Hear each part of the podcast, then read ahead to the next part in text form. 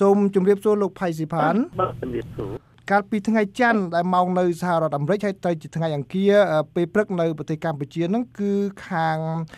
រដ្ឋសភាឬក៏ហៅថាសភាតំណាងរាស្ត្រដែលជាសភាកម្រិតជាន់ទាបមួយរបស់សហរដ្ឋអាមេរិក បានអនុម័តនៅសេចក្តីស្នើច្បាប់ដែលថាច្បាប់ស្តីពីលទ្ធិប្រជាធិបតេយ្យកម្ពុជា ដែលមានការឲ្យដាក់ទណ្ឌកម្មទៅលើមន្ត្រីរដ្ឋាភិបាលមួយចំនួនទាំងផ្នែកលើទឹកតការនិងទៅលើខាងផ្នែកបង្កក់ទ្រព្យសម្បត្តិបាទហើយខ្ញុំឃើញលោកបានបង្ហោះតាមសារតាម Facebook ថាលោកសម្ដែងការខកចិត្តនិងសោកស្ដាយហ្នឹងហេតុអ្វីបានជាលោកមាន ប្រតិកម្មដូចនេះបាទទី1ខ្ញុំយល់ឃើញថា បំណងនៃបទអន្តរាគមរបស់អ្នកនយោបាយសហរដ្ឋអាមេរិកគឺបរាជ័យរហូត តាំងពីចំនួនខ្ញុំនៅក្មេងរហូតដល់ខ្ញុំចាស់ជិតស្លាប់ទៅហើយគឺទី1នៅក្នុងឆ្នាំ1970និយាយអំពីប្រជាធិបតេយ្យនិងសេរីភាពឥឡូវរហូតមកដល់ពេលនេះនៅតែជាធិបតេយ្យសេរីភាពគួរតែអេសាកល្បងពិចារណាថាជាថ្មីម្ដងទៀតអំពីលក្ខខណ្ឌលទ្ធិប្រជាធិបតេយ្យនិងប្រជាធិបតេយ្យនេះគួរ ពីក្រុមអ្នកនយោបាយនឹងពិចារណាថាជាថ្មី ហើយការសម្រេចនៅច្បាប់នោះគ្រាន់តែជាទិសដៅមួយដែលមានមហាចិត្តាគឺតតាំងគឺឆ្លោះជាមួយនឹងថ្នាក់ដឹកនាំរបស់កម្ពុជាដែលកើតចេញពីការបោះឆ្នោតដ៏ទលំទលាយហើយនឹងគ្រប់ទឹកគ្រប់ដីនេះឯងហើយច្បាប់នេះគឺជាទិសដៅនៃការបំផ្លាញប្រជាធិបតេយ្យហើយកម្ពុជាកំពុងតែពង្រឹង ឯអភិវឌ្ឍបន្តទៀតគឺចាប់ផ្ដើមអំពីអ្វីទៅជាការសិទ្ធិរបស់ប្រជាពលរដ្ឋដែលចូលរួមក្នុងការបោះឆ្នោតក្នុងភាពទៀងទាត់អ្វីទៅជាសម្ដាប់ធ្នាប់នយោបាយដែលមិនមែនមិននាំមកនៅភាពចលាចលនៅក្នុងសង្គមដែលធ្វើឲ្យប្រជាពលរដ្ឋនឹងសប្បាយចិត្តក្នុងការរស់នៅសប្បាយចិត្តនឹងចូលរួមការជ្រើសរើសការបោះឆ្នោតនិងគឺអ្វីទៅដែលខ្ញុំមើលឃើញអញ្ចឹងចំណុចទី2ច្បាប់ហ្នឹងគឺជាទិសដៅនៃការបំផ្លាញ អ្វីទៅតែជាការប្រឹងប្រែងរៀបចំទំនាក់ទំនងនិងសហប្រតិបត្តិការរវាងប្រជាពលរដ្ឋប្រជាជាតិទាំងពីរនេះឯងអានេះជាការសោកស្ដាយរបស់ខ្ញុំហើយខ្ញុំក៏ជាសាក្សីផ្នែកស្រស់នៃការប៉ុនប៉ងរៀបចំប្រទេសកម្ពុជាដើម្បីរៀបចំឲ្យមានប្រជាធិបតេយ្យតាំងពីឆ្នាំ1970មកហើយបាទលោក បានលើកឡើងគឺសម្រាប់ខ្ញុំខ្ញុំប្រាពាក្យថាជាទស្សនវិជ្ជាមួយ បើជាទស្សនវិជ្ជាមួយផ្សេងទៀតនៃបញ្ហានៅក្នុងប្រទេសកម្ពុជាតាមការលើកឡើងរបស់រដ្ឋាភិបាលហើយនៅខាងសហរដ្ឋអាមេរិកបានឃើញទស្សនវិជ្ជាមួយផ្សេងទៀតដែលសូម្បីតែមន្ត្រីរដ្ឋាភិបាលមួយចំនួនបានលើកឡើងថារដ្ឋសហរដ្ឋអាមេរិកមិន ជាពិសេសអ្នកតែងច្បាប់នោះមិនបានយល់ដឹងពីសភាពការពិតនៅប្រទេសកម្ពុជាទេក៏ប៉ុន្តែបើសិនជាយើងក៏លេចមើល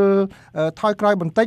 នៅពេលដែលលោកថេតយូហូលោកបានស្នើច្បាប់នេះឡើងតាំងពីខែមករាមកហ្នឹងឃើញមានខាងប្រតិភូខាងកម្ពុជាហ្នឹងក៏បានមកបញ្ចុះបញ្ចូលមកបញ្យលអំពីស្ថានភាពនៃប្រទេសកម្ពុជាដូចអ្វីដែលលោកបានលើកឡើងដែរគឺទស្សនវិជ្ជានៃលទ្ធិប្រជាធិបតេយ្យតាមអ្វីដែលរដ្ឋាភិបាលបានលើកឡើងបាទហើយនឹងមកឲ្យអ្នកតំណាងរាស្ត្រទាំងអស់នោះយោគយល់យល់បានពីបញ្ហានេះក៏ប៉ុន្តែនៅតែមានការចេញច្បាប់នេះដូច្នេះលោកយល់ថាតើនៅមានចំណុចខ្វះខាតកន្លែងណាដែលរដ្ឋាភិបាលកម្ពុជានៅតែមិនអាចបញ្ចុះបញ្ចូលអ្នកតំណាងរាស្ត្រសហរដ្ឋអាមេរិកបានទេបាទយើងមិនមានថាបំណងឬឯធនធានឬក៏ឥទ្ធិពលអីទៅបញ្យលឯតំណាងរាស្ត្រនៅសភាឯថ្នាក់ក្រមទេពីព្រោះគាត់ក្នុងការសម្រេចនៅក្នុង អ្វីដែលគាត់លើកឡើងគឺស្ថិតនៅក្នុងអ្វីទៅដែលជាវិរៈនយោបាយប្រកបរបៀបវិរៈនយោបាយប្រកបតែប៉ុណ្ណោះគឺមិនមែននិយាយអំការពិតនៃលទ្ធិប្រជាធិបតេយ្យឬសិទ្ធិមនុស្សនៅក្នុងកម្ពុជានោះទេអានេះជាមហិច្ឆតានយោបាយរបស់គាត់ដែលគាត់ចង់បានអ្វីផ្សេងក្រៅពីលទ្ធិប្រជាធិបតេយ្យរបស់កម្ពុជាទី1ទី2អ្នកទាំងអស់ក្នុងអ្នកធ្វើច្បាប់ទាំងអស់ហ្នឹងដែលវាតម្លៃឬក៏ចេញព័ត៌មានណាមួយថាកម្ពុជាមានលទ្ធិប្រជាធិបតេយ្យ ដល់ពេលដែលយើងទទួលបានមកវិញអ្នកទាំងអស់ហ្នឹងបានចោតប្រកាន់ថាកម្ពុជាដើរថយក្រោយនៃលទ្ធិប្រជាធិបតេយ្យអានឹងដែលវាប្រឆាំងនឹងការគិតប្រឆាំងនឹងព័ត៌មានអង់គ្លេសថា contradict ម្ល៉េះហើយអានឹងជាលក្ខណៈមួយដែលពិបាកយើងទទួលយកហើយក្នុងនាមប្រជាពលរដ្ឋខ្មែរក្នុងនាមរាជរដ្ឋាភិបាលខ្មែរអ្វីដែលសារៈសំខាន់ហើយនឹងអ្វីទៅដែលជា priority គឺតែអតិភិបគឺសន្តិភាពស្ថិរភាពនៅក្នុង សង្គមរបស់កម្ពុជាអានេះជាបំណងធំហើយដែលរបស់ប្រជាប្រដ្ឋកម្ពុជារីឯអ្នកដែលតាក់តែងច្បាប់ក៏គាត់មានបំណងផ្សេងតែមានមហិច្ឆតាមួយលាក់បាំងនៅក្នុងរឿងអេនយូបាយនេះឯងបាទចំណុចបន្ទាប់មកទៀតយើងសួរថាសហរដ្ឋអាមេរិកបង្ហាញនៅអេប្រជាជាតិណាមួយដែលគេបានចូលទៅអេចូលទៅអេ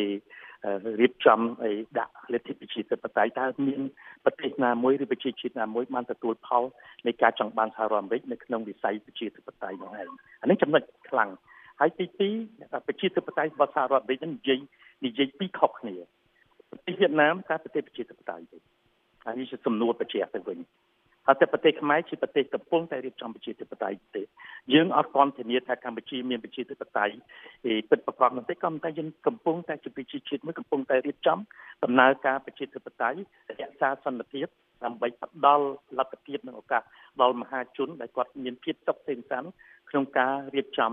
អេគោលនយោបាយរបស់ប្រទេសមហាជនហ្នឹងក្នុងការជ្រើសរើសនៃអ្នកតំណាងប្រកបអាហ្នឹងដែលយើងចង់បាន យើងមិនចង់បានកំភ្លើងយើងមិនចង់បានថារបៀប arrogance របៀបរឹកពីអេមកសង្កត់ស្កិនកម្ពុជាដើម្បីបំពាក់លទ្ធិលទ្ធិប្រជាធិបតេយ្យតែបើកម្ពុជាមានបទពិសោធន៍នៃការបំពាក់លទ្ធិប្រជាធិបតេយ្យរបស់សហរដ្ឋអាមេរិកនៅក្នុងតាំងពីឆ្នាំ1970មកក៏ដូចជាប្រទេសដទៃទៀតដែលទទួលសង្គ្រាមឆេះ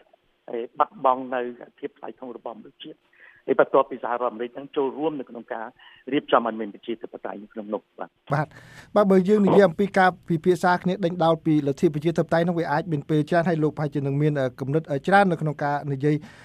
ប៉ុន្តែមុននឹងខ្ញុំចូលដល់ចំណុចហ្នឹងបន្តបន្តទៀតខ្ញុំគាត់តែចង់បញ្ជាក់ឲ្យច្បាស់អំពីខ្លឹមសារនៃសំខាន់នៃការដែលច្បាប់នេះបានស្នើឡើងគឺ ចង់ដាក់ទណ្ឌកម្មឬក៏បង្កកទ្រព្យសម្បត្តិតែមន្ត្រីណាដែលមាននៅក្នុងសហរដ្ឋអាមេរិកឬក៏មន្ត្រីណាដែលប៉ះពាល់លទ្ធិប្រជាធិបតេយ្យមិនឲ្យចូលសហរដ្ឋអាមេរិកតែប៉ុណ្ណោះទេហើយខ្ញុំនៅចាំបានថាលោកនាយករដ្ឋមន្ត្រីក៏លោកធ្លាប់បានមានប្រសាសន៍នៅកិច្ចប្រជុំគណៈរដ្ឋមន្ត្រីថា បើមន្ត្រីណាមានលុយលោដល់លាក់ទៅស្រុកក្រៅឲ្យគេបកឲ្យឆ្លាស់ទៅលោកក៏មិនគ្រប់គ្រងដែរដូច្នេះវាមិនជាការល្អទេដែលនឹងកាន់តែបើសិនជាសហរដ្ឋអាមេរិករកឃើញថាអ្នកណាមួយដែលមានទ្រព្យធនច្រើនយកមកទុកនៅខាងក្រៅប្រទេសនោះដែលខុសពី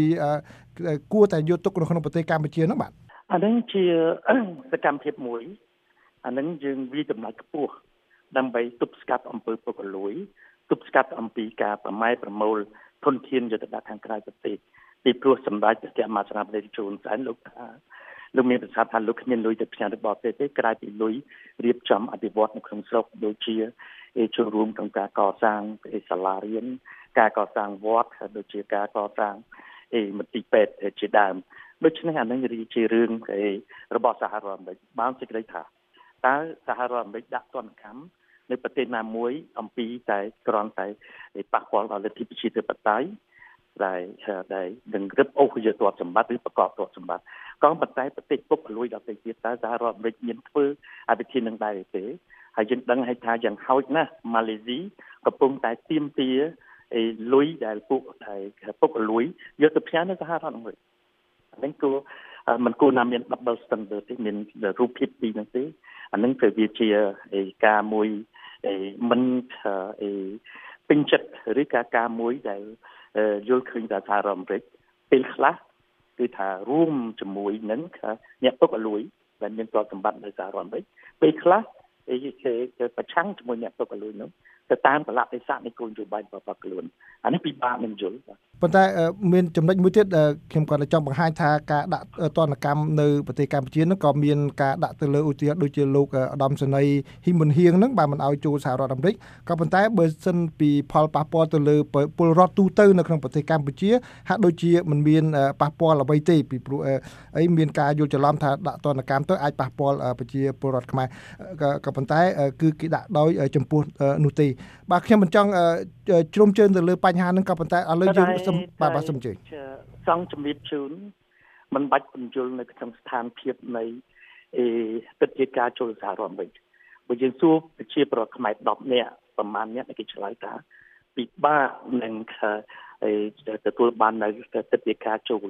ឯទៅសាររដ្ឋមិនសំបីតែគេប្រជាប្រដ្ឋសាមញ្ញមិនពាក់ព័ន្ធនយោបាយមិនពាក់ព័ន្ធក្នុងមន្ត្រីណាមួយនៅក្នុងនោះអានេះខ្ញុំមិនជាយកចិត្តទុកដាក់ខ្ពស់រឿងទិដ្ឋាការឲ្យឬមិនឲ្យអានេះជាសម្រាប់តែការគិតនិងការធ្វើរបស់សហរដ្ឋអាមេរិកទេបាទ បាទឥឡូវយើងមើលសម្លឹងទៅខាងមុខវិញលោកផៃសិផានលោកក៏ជាខ្មែរអាមេរិកាំងមួយហើយលោកពេលនៅសហរដ្ឋអាមេរិកនេះក៏មិនមែនជាថាខ្មែរអាមេរិកាំងធម្មតាទេគឺក៏ជាថ្នាក់ដឹកនាំសហគមន៍មួយដែរលោកបានដឹងអំពីគេហៅថាកលុកកលៀតចន្លោះច្បាប់នៃការធ្វើច្បាប់របស់សហរដ្ឋអាមេរិកនឹងច្បាស់ជាងណានាណា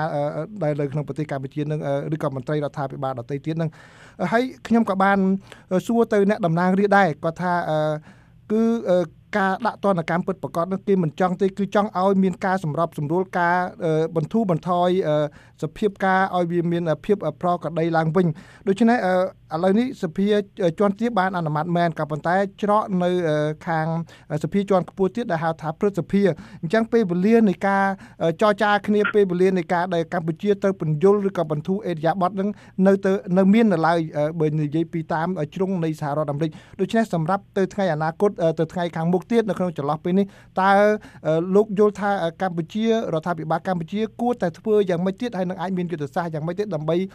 បញ្ជៀសនៅទណ្ឌកម្មដែលសហរដ្ឋអាមេរិកអាចនឹងដាក់នេះបាទជាគោលការណ៍សហរដ្ឋអាមេរិកដែលដាក់ទណ្ឌកម្មគ្រប់ប្រទេសទាំងអស់ដែលគេយល់ឃើញថាជាប្រទេសទាំងអស់នោះដែលมันបានជួយអ្វីទៅតែធនធានដល់សហរដ្ឋអាមេរិកអានេះគឺយើង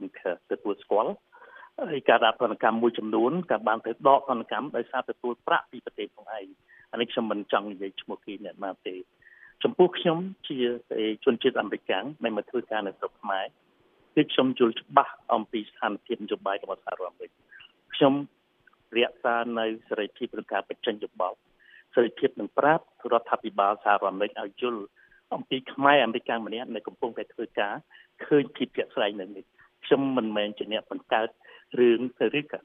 រាជរដ្ឋាភិបាលនេះមិនមែនបង្កើតរឿងសម្បីពីប្រឆាំងនឹងផលប្រយោជន៍សហរដ្ឋអាមេរិកទេគឺអត់មានទេ យើងនៅតែមានចំហដដែលចំហវិតម្លៃចំពោះខ្ពស់ជាចំពោះកិច្ចសហប្រតិបត្តិការទំនាក់ទំនងល្អពង្រឹងនិងគោរពផលប្រយោជន៍គ្នាទៅវិញទៅមកឧទាហរណ៍ជាក់ស្ដែងគឺទីបានចោទវិរដ្ឋាភិបាលកម្ពុជា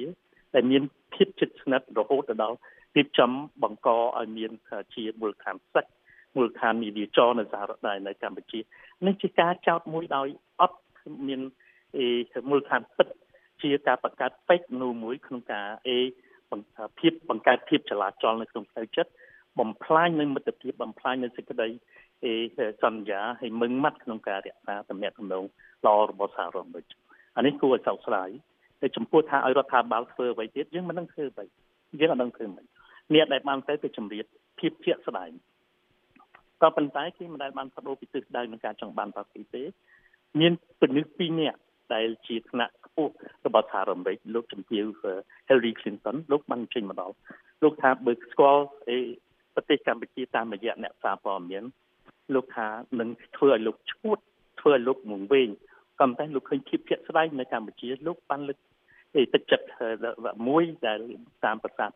ពីលោកជំទាវអានេះហើយការពិតជាក់ស្ដែងរបស់កម្ពុជា គឺក៏អញ្ជើញមកដល់នឹងកន្លែងនឹងឯងមកឃើញហើយមានកំណត់ពីបរិយាវិនិច្ឆ័យមួយដែលចាប់តែខ្មែរនឹងទៅលុតជង្គង់ទៅប្រាស់ការពារប្រទេសចិនគឺមិនមែនទេសម្ដេចព្រះមហាស្នាបតីជូនសែនយើងមិនធ្វើខ្ញុំបោកទេណាទេហើយចិនក៏បានប្រាប់ថាគេមិនយកខ្មែរជាពីខ្ញុំដែរ ទេដោយឡែកសហរដ្ឋអាមេរិកគេចង់បានខ្មែរជាខ្ញុំយ៉ាងម៉េចខ្ញុំឆ្ងល់ទៅវិញទេសូមអរគុណលោកផៃសិផានដែលខិតខំពន្យល់ពីជំហររបស់រដ្ឋាភិបាលហើយយើងនឹងតាមដានមើលតើតើច្បាប់នេះនឹងទៅដល់កម្រិតណាដែលអាចនឹងចូលជាធរមានឬក៏យ៉ាងណាបាទសូមអរគុណយើងនឹងជួបគ្នានៅពេលក្រោយបាទខ្ញុំនៅតែខ្ញុំនៅតែខ្ញុំនៅតែសំណូមពរសូមឲ្យទឹកសភាក៏ដូចជារដ្ឋាភិបាលសហរដ្ឋអាមេរិកគួរពិចារណាពង្រឹងកិច្ចសហការ ហើយនឹងពិចារណាក្នុងកិច្ចការប្រឹងទំនាក់ទំនងល្អនិងគោលគោរពផលប្រយោជន៍គ្នាទៅវិញទៅមកហើយកម្ពុជានៅតែមើលអាមេរិកចឹងទៅជាប្រទេសជាមិត្តដ៏ល្អមួយ បាទសូមអរគុណលោកផៃស៊ីផានបាទជួបគ្នានៅពេលក្រោយបាទជម្រាបលាបាទបាទបាទជំរាប